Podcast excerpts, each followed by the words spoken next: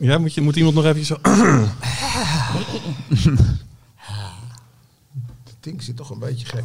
Je hoeft hem niet per se op, hè, de koptelefoon. dat maakt me niet uit, maar hij zit een beetje... Door die draad hangt hij... eh, deze kant is beter. Ja. Maar het blijft een kutding. Eh, uh, is het nog genomen? Doe maar dat. Ja, dat is allemaal weer Sluit mij slopen. die microfoon elke Ik, keer weg. ik, ik, weet niet wat hier allemaal gebeurt. Ik ga hem nu... eh, we zijn, presenteert jullie zitten midden door het intro heen. Oh, lekker. Dan praat ik weer door mezelf heen. Ik doe even op stop. Stil. Adem in. Hou hem vast. Niet uitademen. Hou je adem in. Truckstar presenteert de stamtafel. En uitademen. Welkom bij weer een nieuwe aflevering van de podcast van Truckstar. Het is alweer, ik zie op mijn blaadje heren, het is alweer de zesde. Dat betekent dat wij al zes maanden lang, dus we zijn al een half jaar aan het podcasten. Zo. Ja, gecondoleerd daarmee. Ik eh, word er stil van. Ja, nou, het is natuurlijk maar, eh, dat is op zich niet handig voor een podcast. Om stil te zijn. zeg maar. maar Nee, maar misschien moet ik dan wel beginnen dat ik de vorige keer schijnbaar ook niet echt te verstaan was. Dus toen was ik ook wel een beetje stil. Eh, ik zal dichter op de microfoon kruipen. Ja, en gewoon eh, ja, lekker, eh, lekker die microfoon bijna opvreten. Net niet, net niet aan likken, Robert. Niet aan likken. Niet, ook niet. Oh, jammer. Ja, laten we eerst bij het begin beginnen. Luistervragen, die zijn weer binnengekomen. Ehm, Jeroen uit Nieuwekerk aan de IJssel, die ehm, vraagt zich af wanneer je kan aanmelden voor het Trucksurf Festival 2024. Toen ik die vraag zag, kreeg ik een beetje vlekken en uitslag. Want ik dacht, dat is, dat is nog heel ver weg. We zijn net weer een beetje bijgekomen van het afgelopen festival. Maar inderdaad, ja, dat volgende festival zit er wel weer soort voor ons al bijna alweer aan te komen. Maar kijk je nu mij aan? Ik kijk nu jou aan, Freek. Oh, oké. oké. Nee, de koningin van het festival, Masha, is er natuurlijk Nee, niet. nee. Die, Eh, eh, Goed, maar dat maakt niet uit. Maar over het algemeen is het zo dat de inschrijving begint in oktober. ja. Dus eh, ik verwacht eigenlijk dat we in het oktobernummer eh, de inschrijving gaan openen. En eh, dan zal er weer een advertentie staan dat je je kunt gaan aanmelden. ja, dus inderdaad, dat zal je terugvinden in het blad, op onze website, onze social media kanalen. Ehm, zodra al die inschrijvingen voor al die verschillende baankaarten, speciale categorieën, et cetera, opengaan, dan ga je dat zien. Maar dat zal, dat zal dus ergens eind oktober, begin november zijn. Wel een kleine correctie, hè? De baankaarten, dat is vanaf oktober. Speciale categorieën doen we pas een paar maanden later over het Oké. algemeen. Goed. Nou, eh, dat hebben we dus bij deze afgevinkt. Ehm, dan een vraag van Maaike uit Heerenveen. En een goede vraag, vond ik eh, het eigenlijk wel. Ik kijk vast naar collega Robert. Oh, dat hij zich vast eh, kan, Kan, gaan mentaal gaan voorbereiden op het antwoord. Zij vraagt, waarom is de opvolger van de LF, de DAF LF, de XB, geen onderdeel van het modulaire concept van de DAF-generatie? Dat klopt, hè? De nieuwe DAF XD, XF, XG, XG+, die, die vallen allemaal in één modulair concept. Ja. Maken onderdeel van dezelfde, eh, ja, hoe zeg je dat? Eh, ja, body in white. ja, precies. even zo, ja. Dus dezelfde deuren Ja. bijvoorbeeld, hetzelfde dashboard, eh, dat soort dingen. Maar de, de, de XB, de LF, die valt daar buiten. Ja, ik weet niet precies waarom ze dat gedaan hebben. Bij DAF roepen ze zelf dat de XB, wat vroeger dus de LF was, eh, echt heel erg specifiek bedoeld is voor stadsdistributie, waarbij je heel veel in en uitstapt, eh, heel veel zicht rondom nodig hebt. Misschien een andere bandenmaat en daar voldoet volgens hun de XB met zijn eigen cabine beter aan dan eh, de XB, of de XD moet ik zeggen. Ik raak zelf bijna in de war van Ja. al die namen. Nou, ik vind het wel mooi dat ze hem in ieder geval XB hebben genoemd. Want dat past wel mooi bij de hele familienaam, zeg maar. Ja, dat ook. En eh, eh, als je naar de auto zelf kijkt, hij heeft natuurlijk een beetje een grill gekregen in de vorm van de grotere broers. Eh, het dashboard hebben ze ook wat dat betreft aangepast. En er zijn natuurlijk allerlei ja, elektronische toepassingen die vanuit de grote ook wel een eh, weg gevonden hebben naar deze. Zal, zal het ook niet gewoon een geldkwestie zijn? Ja, ik denk, ja, en misschien, het is natuurlijk ook gewoon een, eh, ik denk een goed lopende truc waar ze van ze zoiets hebben van, en misschien dat productiekosten van, of het, weet je, het hele idee van een nieuwe truc bouwen, of misschien is die wel te klein om bijvoorbeeld de XD-cabine te gebruiken, want hij, de cabine is natuurlijk smaller. Nou ja, dat is wat ze zelf zeggen. De, dat eh, eh, de hele toepassing waar die XB voor bedoeld is, dat die eh, ja, zo'n kleinere cabine vraagt. En er zit natuurlijk een andere bandenmaat onder. Ik weet niet of dat bijvoorbeeld op een, onder een XD cabine ook past. Nee, dus misschien kan dat gewoon niet. Nee, nou ja, eh, eh, dat is de verklaring die DAF ervoor geeft. Kijk, als we bijvoorbeeld kijken naar eh, Scania. Zij hebben natuurlijk ook, maken al jarenlang gebruik van het modulaire concept. Maar de P, de kleinste van Scania, is natuurlijk vergelijkbaar met de XD. En daar zit ook niks meer onder. Nee, Dus, en dat geldt natuurlijk voor Volvo inmiddels met de FH en de FM ook zo. Die hebben natuurlijk nog wel de FL, maar dat is natuurlijk ook een andere... dat is, dat is behoorlijk vergelijkbaar met, eh, met wat DAF nu XB doet. Ook met die, met die kleinere bandenmaat, waardoor je gewoon ook ja, zeg maar, eh, eh, nog lager bij het asfalt staat. En Precies. met name met in- en uitstappen. Als je dat heel veel moet doen in de stadsverkeer, dan is dat natuurlijk wel heel fijn. Ja, Ja, en ik, ik bedoel met geld dat het ontwikkelen van zo'n ja. nieuwe, nieuwe auto, een nieuw concept, nieuwe cabine, gewoon ongelooflijk veel geld kost. Versus de verkochte aantallen. Hè, het is feitelijk natuurlijk best een kleine markt. ja. De aantallen dat. worden natuurlijk gemaakt in de grote. Ja, Nou, dus Maaike, ik hoop dat jij een beetje een eh, antwoord eh, op jouw vraag hebt gehad. Wij, wij weten het ook niet precies, maar dat is eh, wat, wat, wat zover onze wijsheid reikt, de reden dat DAF dat gedaan heeft. De laatste luistervraag deze podcast komt van Michel uit Emmen. Nou, dan moet ik eigenlijk ook gelijk weer naar jou kijken, Robert. Want hij vraagt, nou, hij zegt eigenlijk, hoe komt zo'n special die jullie maken tot stand? En toen dacht ik, nou, we zijn het nu vol in de classic specials. Laat ik dan die ook eventjes als voorbeeld eh, nemen. Hij vraagt zich af, ja, hoe, hoe komen jullie aan die verhalen? Hoe, hoe maken jullie dat? Bedenken jullie het allemaal zelf? Of, of krijg je aanmeldingen binnen? Hoe, hoe gaat dat? Ja, het is eigenlijk bijna als met, eh, met een gewone truckstar waar je eh, en voor een deel van de verhalen zelf op zoek gaat. En een ander deel van de verhalen, daar krijg je mailtjes van binnen. Van mensen die roepen van, goh, ik heb dit of dat. Is dat niet leuk voor Truckstar? En dat doen we eh, eigenlijk voor de, voor de specials ook zo. We hebben natuurlijk twee reguliere specials. Supertrucks en eh, de Zwaar Transport Special. En dan ja, sinds een aantal jaren nu Classics.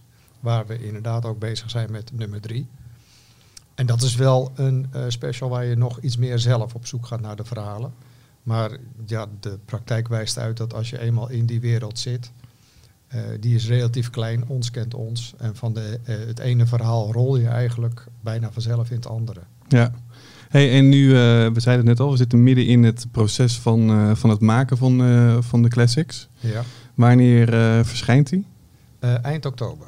Oké, dus je nog even geduld hebben. Ehm, en die is dan gewoon te koop via de website en de winkel. Ja, Hetzelfde als waar je een truckstar kan kopen, toch? klopt. Nou, dan eh, hebben we de luistervragen nu afgerond. Vind ik altijd een fijn eh, momentje. Dan eh, is dat voor mij weer een dingetje. Streep de ronde door naar het volgende onderwerp. Ehm, dan begin ik eigenlijk gelijk bij jou, Freek. Want jij komt ongeveer vers van de pers terug van een hele mooie reis naar Zweden. Ja, Zweden is een prachtig land. Ja, nou, daarom. Mooi restaurant, goed hotel. Niks over te klagen. Overigens hebben we in het museum eh, gegeten. Kijk. Nee, dat klopt. Ik had eh, de afgelopen twee dagen een reisje naar Zweden. Eh, en daar hebben we de Noordvolt batterijfabriek bezocht.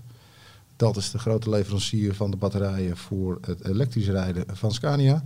Dus dat productieproces hebben we mogen aanschouwen. Voor zover je er iets van kunt zien, want heel veel gebeurt achter gesloten deuren en achter glas. Eh, een fabriek is tegenwoordig niet meer een fabriek zoals vroeger, waar het rook naar eh, van alles en nog wat. En mensen met hamers op dingen waren aan het slaan waren. Dat is klaar.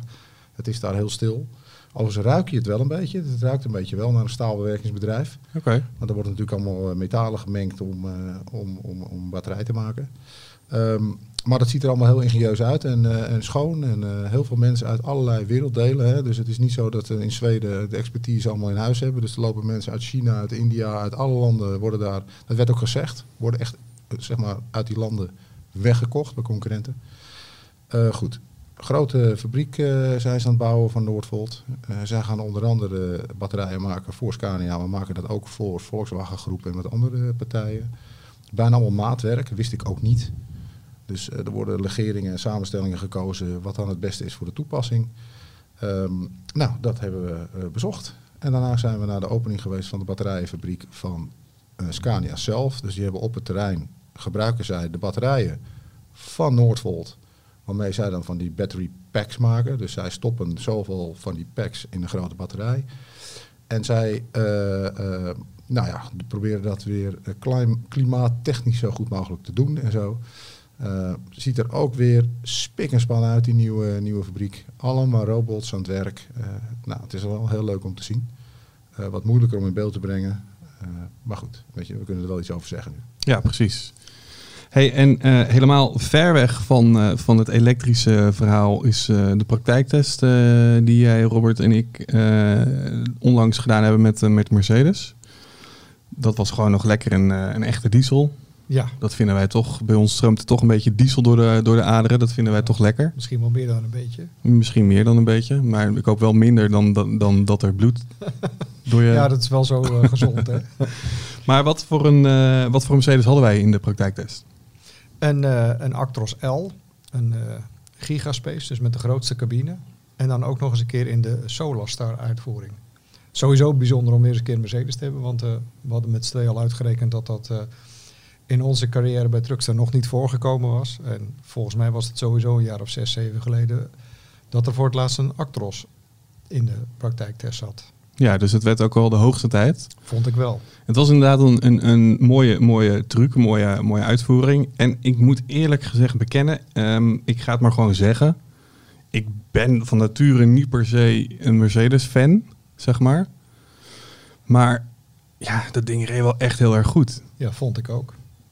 En dan ziet het er ook nog eens eigenlijk gewoon heel goed ja, nou, in, in, in combinatie daarmee inderdaad. Want ik vond eigenlijk gewoon... eh, ik vind van buiten smoelt hij sowieso goed. En zeker als je zo'n auto eh, in een mooie kleur. Deze was blauw metallic en dat sprong er echt goed uit. Gewoon alles, bumpers, alles netjes meegespoten. Want dat maakt zo'n auto ook wel. Als je zo'n zo'n Mercedes die je voorheen nog wel eens zag met eh, de halve onderkant in, in, in, in, in zwart plastic, dan Ja, dat is niet ja, best. wordt het niet beter van, nee.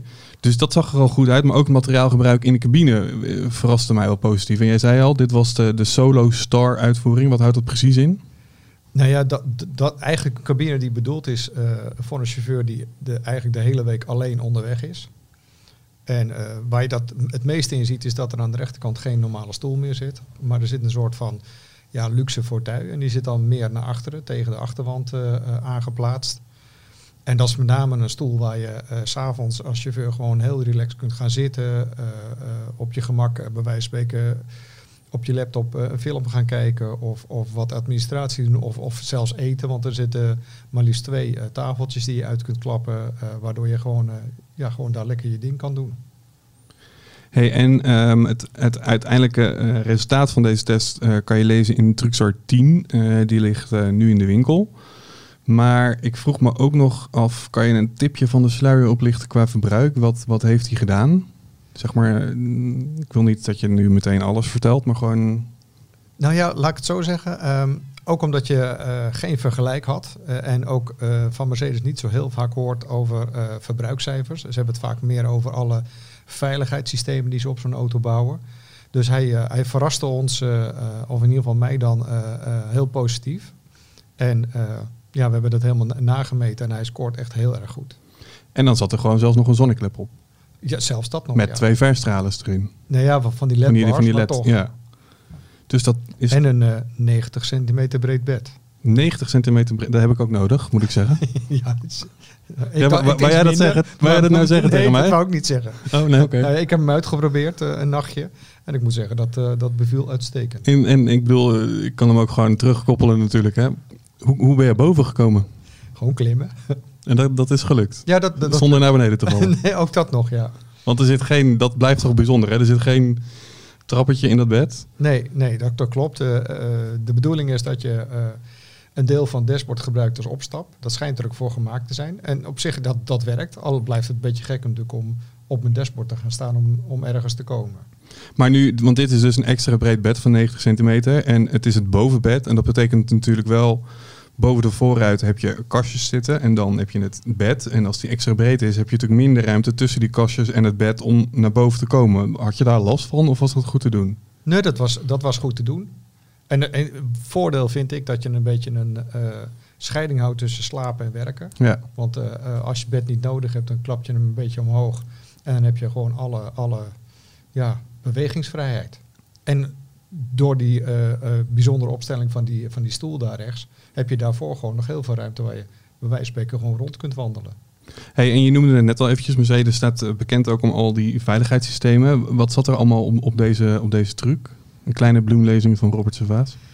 Ja, heel veel. Uh, Zo'n auto heeft eh, eh, natuurlijk een, een systeem waarmee die zelf vooruit kijkt en, en kan remmen op het moment dat jij dat niet doet. Hij heeft een radar aan de zijkant dat als je afslaat en daar bevindt zich iets en je reageert daar niet op, dan remt hij ook zelf.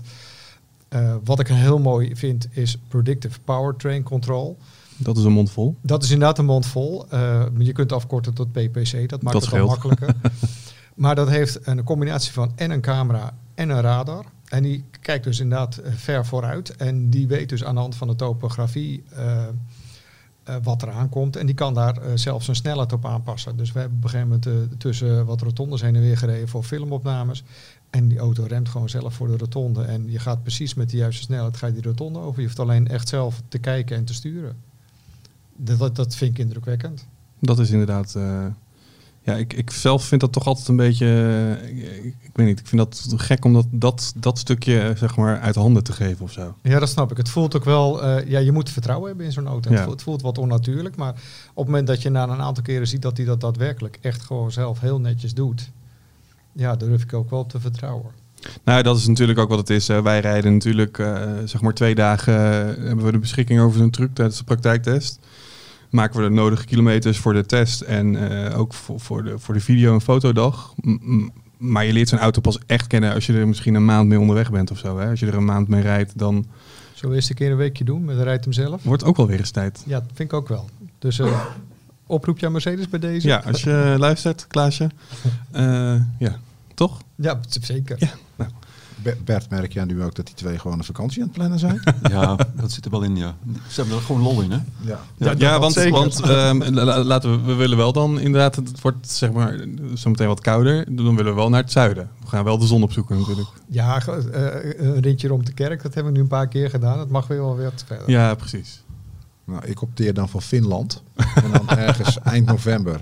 Nou, kijk, ik, het lijkt me ook heel leuk, maar ik heb gewoon geen ervaring in sneeuw, dus dat kan je gewoon niet Nou. zomaar... eh, Je hebt toch een Scania dingetje gedaan? ja, maar dat was een beetje spelen. Oh, Dat was niet het echte werk. Nou, de luisteraars hebben het alweer door. Er wordt hard gewerkt met Truckstar. zeker. En die, die Actros past die zich niet aan aan de omstandigheden dan? Van sneeuw en ijs? Is Oh, ik al, weet, ik is die weet al niet of hij dat ook doet, ja. ik weet niet of hij al zo slim is. Is een Maar goede vraag, eh, Bert. ja, nee, geen idee, eerlijk gezegd. Oké. Als iemand dat weet eh, van Mercedes, of als je een chauffeur bent en je rijdt een Mercedes en je weet dit, laat het ons dan even weten. Mm. Sowieso, als je een luistervraag hebt, iets waarvan je denkt, daar weten die gasten van Truckstar wel iets meer van, dan ben ik nieuwsgierig naar, dit wil ik weten. Stuur dan eventjes een mailtje naar redactie.truckstar.nl en wie weet kom, eh, komt jouw vraag in Truckstar 7 eh, aan bod. Eh, wie nu aan bod komt, eh, dat is de man, eh, de grote alleskunner eh, bij Truckstar. Oké, en wil je iets hebben over het stamtafelgesprek, neem ik aan, hè? Ik had het over Freek, Bert. Oh, Nee, Bert, inderdaad, stamtafel. Jij bent gisteren met collega Angelica. nou echt nee? hij kijkt mij aan, hè? Ja, dat doet hij vaker. Dat Ja. is een eh, omtrekkende beweging, Ja, Bert. En dan eh, komt hij in één keer met een vraag. Jij bent gisteren met collega Angelica bij, eh, in Vlaardingen geweest, Ja, uit mijn hoofd. klopt. Bij, De pitstop, wegrestaurant De Pitstop. En daar heb je eh, samen met Angelica een stamtafelgesprek gehouden. Ja, Wat was, het, wat was het onderwerp van de, van de stamtafel? Nou, we hadden als, deze keer als, hadden we als onderwerp ehm, boetes. Kijk, Dus we, we doen regelmatig zo'n stamtafelgesprek en dan eh, kiezen we een of ander actueel onderwerp. En we dachten, deze keer nemen we boetes, want daar heeft iedere chauffeur wel mee te maken. En, en dat bleek ook zo. Iedere chauffeur heeft wel eens een keer een boete gehad, of wel, Ja. soms wel veel. dus eh, het spreekt iedereen aan. en wat was een beetje de, de, de duurste boete die je hebt gehoord gisteren? Eh, de duurste, dat was, wat ik dan hoorde, was iets van tw- 2300 euro. Kijk, Dat was omdat iemand eh, de papieren niet bij zich had van, eh, van, van het eigen rijder zijn. oh ja. Hij had ze wel thuis, maar hij had ze niet bij zich. En daarvoor kreeg hij dan een boete van eh, 2300 euro. En dat was dan vast niet in Nederland. Eh, volgens mij was het wel in Nederland. Ja. Oh. Ja. Ja. ja, maar over het algemeen blijkt het wel zo te zijn dat ze in Nederland de, de duurste boetes zijn. Oké. In het buitenland is dat wat, wat, eh, wat minder. Ehm, en, en wat mij opviel is dat de meeste chauffeurs die staan wel heel, ehm, heel zakelijk tegenover die boetes. Die vinden van, nou, als je een boete krijgt, dan heb je die waarschijnlijk verdiend. Dan heb je een wet overtreden. Maar soms dan heb je ook van die lullige boetes. En die blijven dan het meeste hangen hè, bij de, in de herinnering van de chauffeur. Dat hij bijvoorbeeld eh, de snelheid heeft overtreden op een punt dat hij daar helemaal niet aan gedacht heeft bijvoorbeeld. Dan is het opeens 70 en hij rijdt er nog 80, heeft er helemaal niet bij nagedacht. En dan Dan krijgt hij later zo'n boete in de bus. Dat zijn van die lullige dingen. Maar soms zijn ze ook een beetje, ja, ehm, dan, dan vinden ze het onterecht dat ze een boete hebben gekregen. Eén chauffeur die vertelde bijvoorbeeld, hij was in Engeland en daar stond hij eh, drie kwartier rust te maken. En naast hem stond een truck, die stond een beetje eh, verkeerd geparkeerd, waardoor hij zelf ook niet goed eh, geparkeerd stond. En toen hij wegging, toen heeft hij de truck eventjes verplaatst, zodat hij weer netjes stond en er weer een andere truck naast hem kon staan. En een dag later werd hij door de Engelse FUSA, is dat geloof ik, werd hij aangehouden. En werd hij daarop bekeurd, omdat hij zijn eh, rust had onderbroken. Ja. En het was niet eens 30 seconden, maar hij kreeg er toch een bekeuring voor. En dat had hij uitgelegd wat er aan de hand was en zo, maar dat, daar was geen begrip voor. Dus dat, eh, dat, dat vinden ze dan eh, onrechtvaardig, hè? dat soort, eh, dat soort stomme bekeuringen eigenlijk. Ja, en dat zijn natuurlijk ook dingen die natuurlijk nu vooral met die digitale tacho soort van altijd nog achteraf te controleren zijn. Ja. Hè? En dat voelt dan ook Ja. een beetje, Ja, ja, dat voelt ook niet of dat je nou echt iets, iets fout doet, Ja. denk ik. Ik bedoel, ja. ja en, en waar chauffeurs eigenlijk een beetje boos over zijn, dat is dat die periode dat, eh, dat zeg maar de ambtenaren te kunnen terugkijken in je tachograaf, dat die verlengd gaat worden. Dus eind 2024, dan wordt het van 28 dagen, wordt het eh, 56 dagen dat de autoriteiten kunnen terugkijken in je tachograaf. En dan kunnen ze natuurlijk nog veel meer bekeuringen uitschrijven. En heel veel chauffeurs denken, nou dat is er echt om gedaan om meer geld te kunnen vangen. Want eh, dat dat met veiligheid of zo te maken heeft, dat geloven ze niet. Nee, nou, daar ben ik het wel mee eens, denk ik. Want, Ja. want wat, wat zou dat met veiligheid te maken hebben? Nou, de, de reden is, het is een onderdeeltje van het mobiliteitspakket, hè, het al een tijdje aan de gang is. En een van de laatste dingen die ingevoerd gaat worden, is dan dat die tachograaf over een langere periode teruggekeken kan worden. En dat zou dan te maken hebben met de Oost-Europese chauffeurs. Want voor hen gaat gelden dat ze binnen of eh, na acht weken zeg maar, een Europees land moeten verlaten en terug moeten keren naar de thuisbasis. Ja. En als ze langer kunnen terugkeren, eh, kunnen kijken in die tachograaf, dan kunnen ze ook zien of die Oost-Europese chauffeur zich daaraan gehouden heeft. Dat is volgens mij officieel de reden. Maar het gaat inderdaad gebruikt worden om Ja. eh, gewoon lekker chauffeurtjes te pesten. Die Ja. een keer in een nachtrust een auto verzet hebben. Ja, precies. Ja, en dan kunnen ze dus eh, ja, vier, vijf, zes weken terugkijken of je dat toen een keertje gedaan hebt. Ja. Alsof je dan nog weet wat je toen gedaan hebt. Ja, precies. Ik weet het soms van gisteren niet eens meer. Ja. Daar hebben wij ook wel wat zorgen over, Robert. Daar moeten we het inderdaad nog eens een keertje over hebben. Maar dat moeten we misschien op een ander moment doen. Maar misschien is het tijd dat je op vakantie gaat. Dus eh, Dat, nou, zeker. daarom.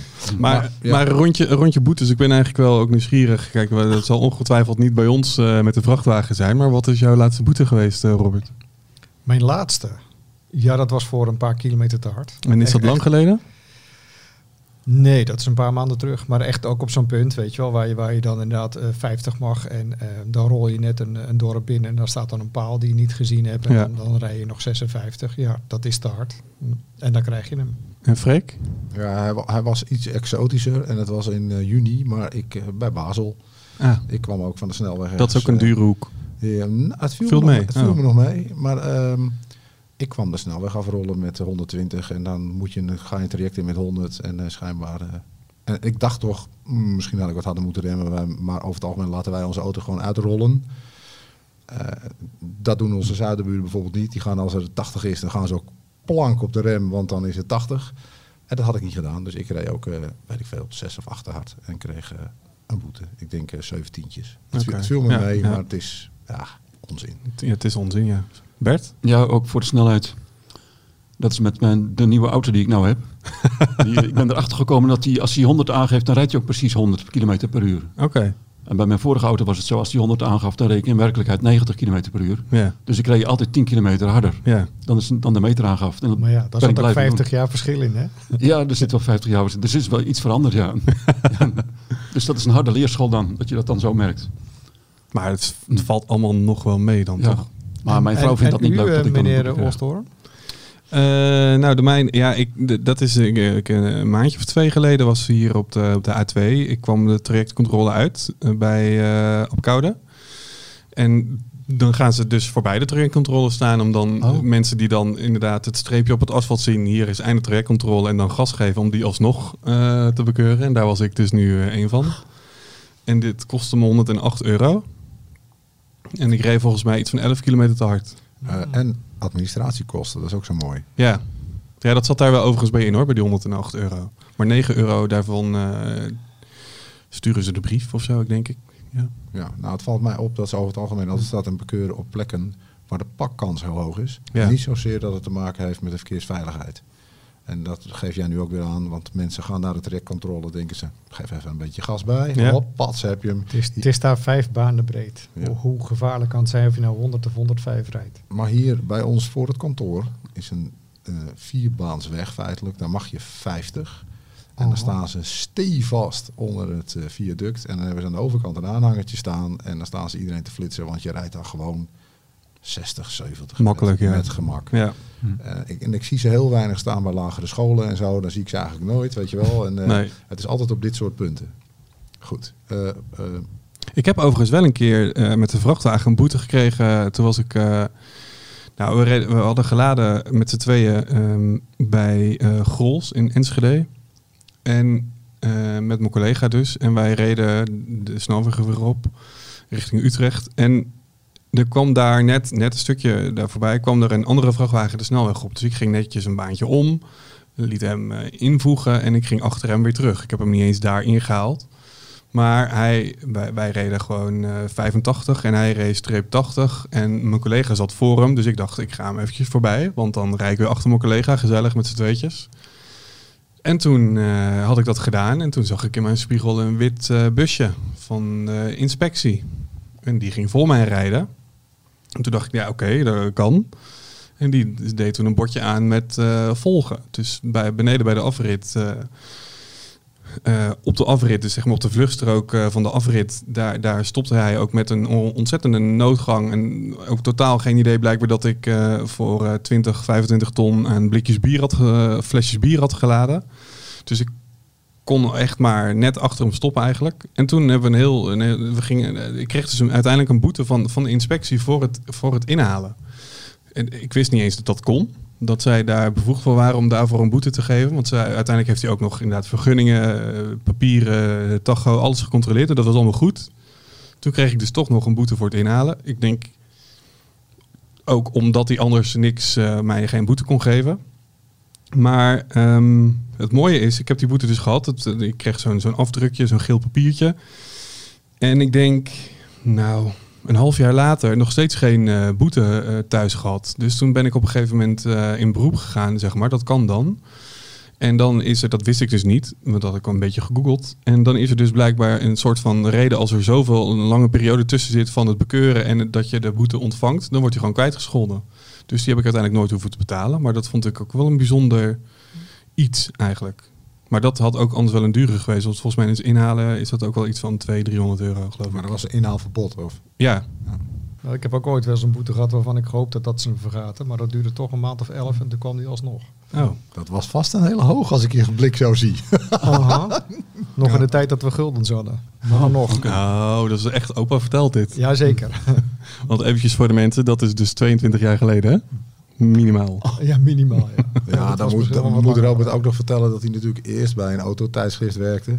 Overigens heb ik daar ook ergens een eh, verleden. En dat wij dan wel testauto's meekregen.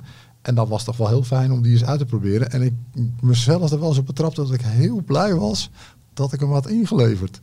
Oh ja, de- de- die eh, momenten ken ik ook ja. Dat je denkt van het is maar goed dat ze er nu niet waren. Want je kreeg gewoon, eh, ik, ik noem maar eventjes wat, vanaf een Fiat Panda tot en met een Ferrari kreeg je mee. Ja, Om mee te- een verhaal over te maken. ja, dat klopt. En dan was de Fiat Panda misschien leuk. Ja, ja, Maar de Ferrari, eh, ook leuk. het rijdt toch anders denk ik. Ja, ietsje. Maar is het dan ook, eh, wordt er dan ook voor jou gevraagd van, hè, trap hem eventjes? Of, of is, is, eh, ja, wat, wat, is dat eigenlijk een beetje gewoon voor de fun zelf? Of mo- moet je dat ook doen om het verhaal te maken? Nou ja, de, eh, ehm, uiteindelijk wil je ook van, van zo'n snelle auto natuurlijk wel weten van wat maakt zo'n snelle auto nou zo bijzonder. Ja, en als je alleen maar 50 of 80 of 100 blijft rijden, dan voel je dat niet.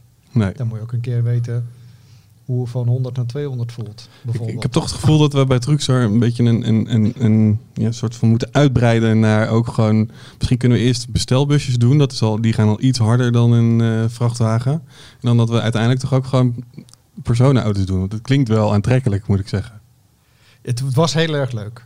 Dat eh, geef ik onmiddellijk toe, ja. Het is, eh, ja, je mag het bijna maar niet zeggen, ik, maar ik moet toch. eerlijk zeggen dat de wereld van, eh van Truckstar leuker is. Hoor. Ja, eh, ehm, Uiteindelijk. het is boeiender ja, en afwisselender. Maar er, Wat- wat maar er wij gebeurt natuurlijk- minder. Eh, dus je hebt minder introducties van nieuwe Nou ja- auto's en dat soort dingen. Dat- Er gebeurt minder. Er gebeurt natuurlijk heel veel. Maar het is niet zo dat je iedere week op introductie kan. eh. Nee. En als we nou kijken naar wat er, ja, daar komt hij weer elektrisch. Als zometeen alle personenauto's elektrisch zijn, wat, wat maakt ze dan nog onderscheidend van elkaar? Ja, de leren bekleding. Oh nee, dat is het ook niet. eh, dat is natuurlijk niet goed. Eh, de, de nep leren bekleding. Ja, ja want echt leer mag natuurlijk Nee. niet meer. Dat, is- dat is niet eh, eh, sustainable. Nee, precies. Nou, eh, eh, dan wordt het imago. Ja, Maar ik was natuurlijk, omdat ik in Zweden was, daar zijn we weer, Ja, eh, ook even op de testbaan. Dus, eh, in Zuid-Italië bij de ja, fabriek. en dan staat de kust in de keur en dan zeggen ze tegen je: Oh, wil je rijden? Stap in, er is een begeleider bij en succes. En het is natuurlijk een fantastische testbaan, want er zitten ook heuvels in en dat soort dingen. Dus het is echt, eh, echt mooie, schitterende omgeving.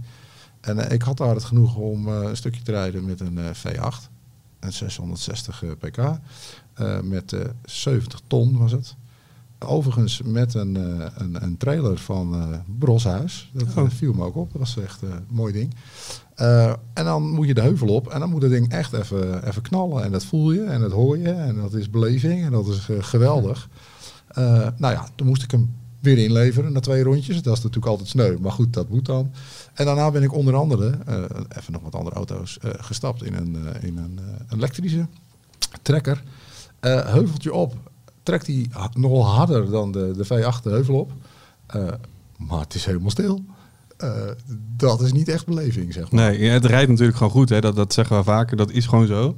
Het rijdt comfortabel, het is stil. Maar ja, zeker en, niet om, om, om nu eh, een soort van eh, Scania op een voetstuk te plaatsen. Maar die V8, dat blijft gewoon een uniek, uniek iets. Weet je. En nu is alleen nog Scania degene die, die, dat, motor, die dat blok levert, zeg maar.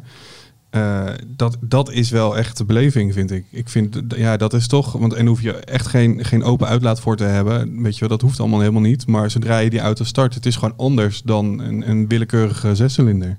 En toch eh, roepen zij het hardste van iedereen. In 2040 is het klaar met de dieselmotor. Ja. En Maar dat, jij hebt het over, net over imago, maar ik Ja. bedoel, die V8 bij Scania, dat, dat is toch het imago van het merk. Ja, en dat is weer het, eh, het, het loopje naar wat eh, Robert net zei. Wat gaat je dan nog onderscheiden? Ja. Nou, wat mij betreft hebben ze op interieur nog wel iets te winnen bij Scania, maar... Nou, dan heb ik wel een klein beetje nieuws. Dat schijnen ze binnen een dag of veertien eh, met nieuws te komen over het interieur. Nou, maar in ieder geval die, dat digitale dashboard waarschijnlijk was al een keer... eh, Dat denk ik. Maar Ja. zoiets eh, ving ik ergens zo half op. Nou ja, dat, dat heb, ik, heb ik ook nog in de cabinetest eh, gezegd. Ik, weet je, het is gewoon een fijne auto om in te zitten en zo, maar de standaard stoelbekleding van Scania, ja, ik vind het, ik vind het zo dramatisch goedkoop eruit. zien. Het zal misschien heel goed zijn, hè? Kwaliteit, ja. ja. maar het ziet er gewoon niet uit. En dan niet denk ik, dan heb je toch het gevoel van het is een premium merk en dan gebruiken ze voor het oog hele goedkope bekleding op een stoel. Ja, dat zijn van die dingetjes, dat vind ik dan... Ja, iedereen kiest toch het leer van de King of the Road pakket. Ja, maar er zijn toch ook genoeg baasjes die gewoon eh 50 van die auto's kopen en daar zit er niet per se leer in. En ook geen King of the Road pakket. Maar wel die geblokte bekleding. Ja, daar moet je het dan mee Het is maar goed dat je erop zit dat je Ja, het zelf ja. niet ziet. Nou, overigens gaan die baasjes het misschien wel lastig krijgen in de toekomst. Eh, die investeringen in eh, nieuwe auto's en elektrische auto's en laadfaciliteiten en zo zijn eigenlijk nog alleen nog maar weggelegd voor de grote partijen. Met enorme tenders en samenwerkingen met Ja. Albert Heijn en met Rijkswaterstaat en eh, weet ik veel allemaal wie er allemaal van dat soort eisen stelt. En ik denk dat dat voor kleinere partijen met een aantal auto's echt wel een issue gaat worden. Nou ja, ik heb wel van die kleine ondernemers horen roepen van als ik zo meteen een elektrische vrachtwagen moet, dan hou ik ermee op. Want het, het kan gewoon niet uit. Zo'n ding drie keer zo duur als een diesel. Ja. Hoe, hoe ga je het terugverdienen? Ja, eh, bijna niet. Nou, een, een, een, een enorme zijspoor. Maar mijn zwager die is hovenier. En die heeft dus busjes. En die loopt natuurlijk ook tegen dat probleem aan. Hè, dat hij straks binnensteden niet meer in mag met, met, met die eh, busjes. Maar hij zegt ja, ik ben maar een klein bedrijfje. Ik kan toch niet van die elektrische busjes kopen. Plus, ja, weet je, kan daar een kar achter? Mag daar nog een shoveltje in de kar achter het busje? Kan dat allemaal? En hij zegt ja, misschien moet ik maar gewoon een benzineauto kopen. Dan heb ik dat probleem niet. Nou ja, Nog niet. nog niet. Ik zag eh, net een, eh, een, eh, van een van de politieke partijen het programma voorbij komen. Dat stemt je niet vrolijk. Dan was het vast niet een eh, rechtsgeoriënteerde partij. Nee. Dan willen ze toch af van het privégebruik en privébezit van een auto. Ja, daar moeten we met z'n allen van af. En eh, ik las vorige week een artikel ergens in een krant... waarbij de adviseur voor het Rijksbeleid ook al zoiets riep. Hè, in 2050 eh, hebben heel veel mensen geen privéauto meer. Nou, dat zal een klap in de spinazie geven. Eh, Maar eh, laten we eerlijk zijn, het wordt toch ook wel steeds duurder. Dus in dat opzicht, ik weet niet wat dan de reden is dat ze die auto niet meer hebben. Maar ik, niet iedereen kan dat zomaar maar betalen. Nou ja, de, de Partij voor de Gewone Man zorgt er zo meteen voor dat de gewone man geen auto meer kan hebben. Ja. Ik weet niet of dat het uitgangspunt was van de partij, maar dat is wel waar het eh, op gaat lijken. Nou, als je het over eh, die partij hebt met de Roos. Ik weet niet of dat die partij is, maar volgens mij was eh, meneer Den Uyl in de jaren 70 een groot voorstander van dat iedereen zijn eigen auto had als arbeider. Goed, eh, terug in de tijd. Maar de, nee, ja, er zijn wel plannen om, eh, om het mensen wat moeilijker te maken. En weet je, elektrische auto's, en dan hebben we het over personenauto's, hè, vrachtwagens natuurlijk ook, zijn nu nog heel duur. Ehm, en ze gaan natuurlijk gewoon de brandstofprijzen straks zodanig verhogen dat je wel gedwongen wordt om iets te doen. Maar vervolgens ga je vanaf 2025 ook gewoon het volle pond eh, wegenbelasting betalen. Voor Met- je elektrische auto van eh, ruim. Van eh, twee ton. Precies, ja. Prettige wedstrijd. Goed, ja. Maar ik, ik, volgens mij is dat ook al aangetoond. Ik geloof dat er, los van een paar rijke boomers waarschijnlijk, rijdt niemand privé in een elektrische auto. Nee, goed. Maar in de vrachtwagenbranche is het natuurlijk anders. Hè, want eh, feitelijk kun je meestal je kosten doorbelasten aan je opdrachtgever. Ja. En dan betaalt uiteindelijk betaalt, eh, de consument toch de prijs. Ja. Eh, want je moet toch een bloemkool. Maar het wordt wel, het wordt wel zorgelijk. En, maar goed, ja, er is besloten dat dat moet door een heleboel wijze mensen. Ehm, nou ja, we hebben het al vaker volgens mij besproken. Alles regionaal en een rondje in de stad. Dat zal allemaal best gaan werken. Daarbuiten blijft natuurlijk de grote vraag. Ik moet wel eh, eigenlijk eh, misschien toch eventjes een klein beetje weer ehm, excuses maken aan jou als luisteraar. Want het gaat toch alweer behoorlijk eh, periode over elektrisch. En dat, dat wil jij natuurlijk helemaal niet horen als luisteraar. Er kwam namelijk iemand nog naar me toe op het festival. En die zei, eh hey, die podcast van jullie is echt leuk. Maar het gaat wel echt iedere aflevering over elektrisch rijden. Hij zegt, en dat interesseert me nou net helemaal geen. Nou, hij zei iets, dat zal ik hier niet zeggen.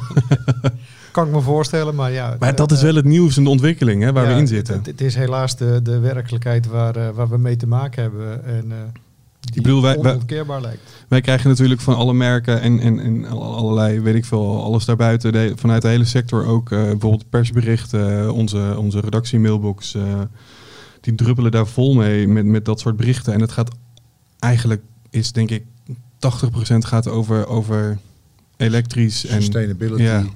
En nieuwe merken hè, die eh, in die elektrische wereld Ja. duiken. Ja, maar kijk eens naar de, de komende weken. Dus wij hadden gisteren en eergisteren waren we op bezoek in Zweden bij Scania en bij Noordvolt. Is elektrisch. Daar Ja. komt het eigenlijk op neer. Dan hebben we volgens mij volgende week in de planning staan eh, Renault met Ja. de e-range. De week erop is er eh, Build Your Dream, elektrische eh distributievrachtwagens. en het gaat maar door. Ja, oktober eh, de Mercedes. elektrische Mercedes. Twee weken later de waterstofauto van Mercedes. Ja, dus dat is een beetje onze planning. Nou ja, dus daarmee, eh, ja, wij, wij, ja. Het is ook een beetje aan ons om dat allemaal weer te vertalen voor onze lezers en luisteraars, denk ik. Om al die, die hele, al die informatie die daarop afkomt. Maar het is, ehm, nou ja, als luisteraar heb dat ook wel door dat wij, wij niet per se, zeg maar, er heilig in geloven dat, dat in 2030 dat de wereld er anders uitziet dan nu. Maar misschien ook wel. Ja, nou ja, goed. En tot die tijd, geniet vooral nog even van je diesel. Ja, ik zou, ik zou bijna zeggen, eh, rij een extra rondje, maar dat mag ik natuurlijk niet zeggen. nou, je kent mijn eh, slogan. Zolang er brandstof is, moet je het verbranden. Dus aan de gang. Ja, dat kan je er anders mee, tenslotte. Ja. ja. Hey, mannen, ik denk dat we er wel een eind eh, aan kunnen breiden. Ik zie dat de teller eh, bij mij op eh 40 minuten en 41 minuten staat. En dat is volgens mij gewoon wel een mooi moment om te zeggen van... joh, Tot de volgende tot de volgende. Dit was De Stamtafel.